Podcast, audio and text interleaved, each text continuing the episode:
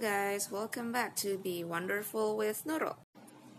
So, on this episode, I'm gonna be reviewing another step of the 12 steps course recovery by Russell Brand, and it's gonna be reviewed by me.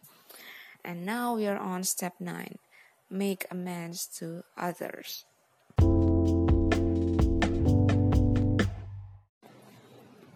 Well, to me, this is one of the hardest steps to do on the overall course because making amends to others sometimes it triggers panic reaction from from me. I don't know about you, but um, sometimes I feel uncomfortable thinking back of the things that I've done in the past and knowing that it made someone else's life uncomfortable well, it makes me more uncomfortable. But on this step, as Russell put it, we are challenged to make amends to others. And on these steps, we make amends to those that we've harmed. And on this step, please remind you that it's not all about um, apologizing to the other person, but it's really owning up what we are doing wrong with absolutely no mention of our feelings were. So the focus is to letting go our ego and just focus solely on ap- apologizing to the person or people that we've harmed. And doing this step really takes time and process in my opinion because after we created list of people that we have to make amends to. We really have to prepare ourselves emotionally and mentally to apologize. And for some people, apologizing uh, doesn't seem so manly or doesn't seem so, you know, warrior like attributes of ours. But you know what? Apologizing and forgiveness to me are two strongest traits that human can have. And on this step, we have to sit back and listen to those that we have harmed and make sure that we really listen to them, to what they have to say about what we did, and make sure that we don't put our judgment, any judgment, on the conversation session with the people we've harmed.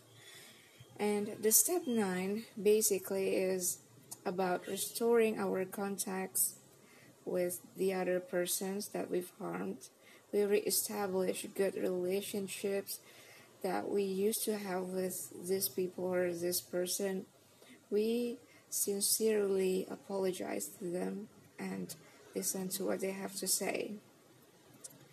And to me, step nine, if it's done correctly, it's such uh, it's like a commitment to live in a different way, in a very awakened way, because now we are tuned to our surroundings and we are aware of our act- of our actions.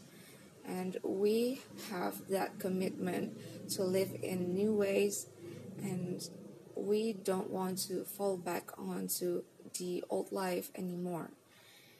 And speaking of the amends we make, the amends we make for uh, those we've wronged is that we promise them that we will never ever cause them trouble or harm anymore. And we also look for opportunities to help other people on this step nine because we want to make sure that we really, really apologize and we really regret what we've done in the past and live in a new way and be perceptive, be very open minded to it.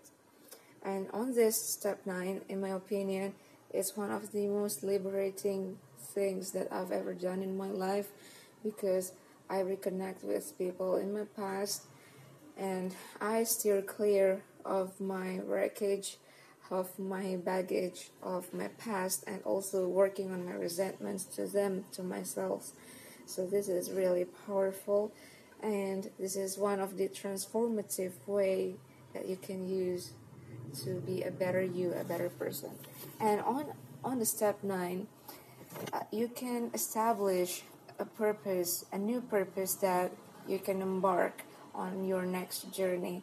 Because on this step, we've apologized to the person or people we've harmed. We have this commitment to move on, to create a new way of living, and we create new purpose then.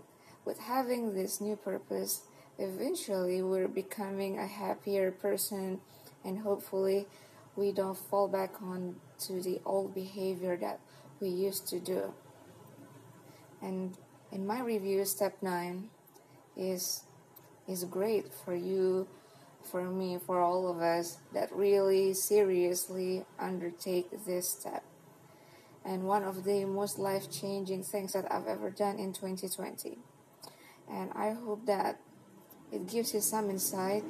And the thing is, when you first uh, want to make amends to others, make sure that you you're really prepared to do this. You're really mentally prepared and no judgment in it. Just be free. Just do it without any judgment. Just be calm, because you'll never guess what uh, their reactions are. You you can never tell I mean, most people that uh, when I do this that, well, they're they're okay. I mean, they don't judge me for what I was in the past, but they're pretty happy because, well, I've changed into a new person, a, new higher self of mine, and in this step, I I suggest that just go with it, just roll with it, and you'll be fine. You'll find a new purpose and hopefully you're becoming happier and happier. And i'm gonna see you on the next step preview of step 10 we're gonna be talking about another extra step uh, extra step which is about watching our thoughts and actions and be honest when it happens. So see you on the next step. I hope the review is useful for you. And until next time, bye.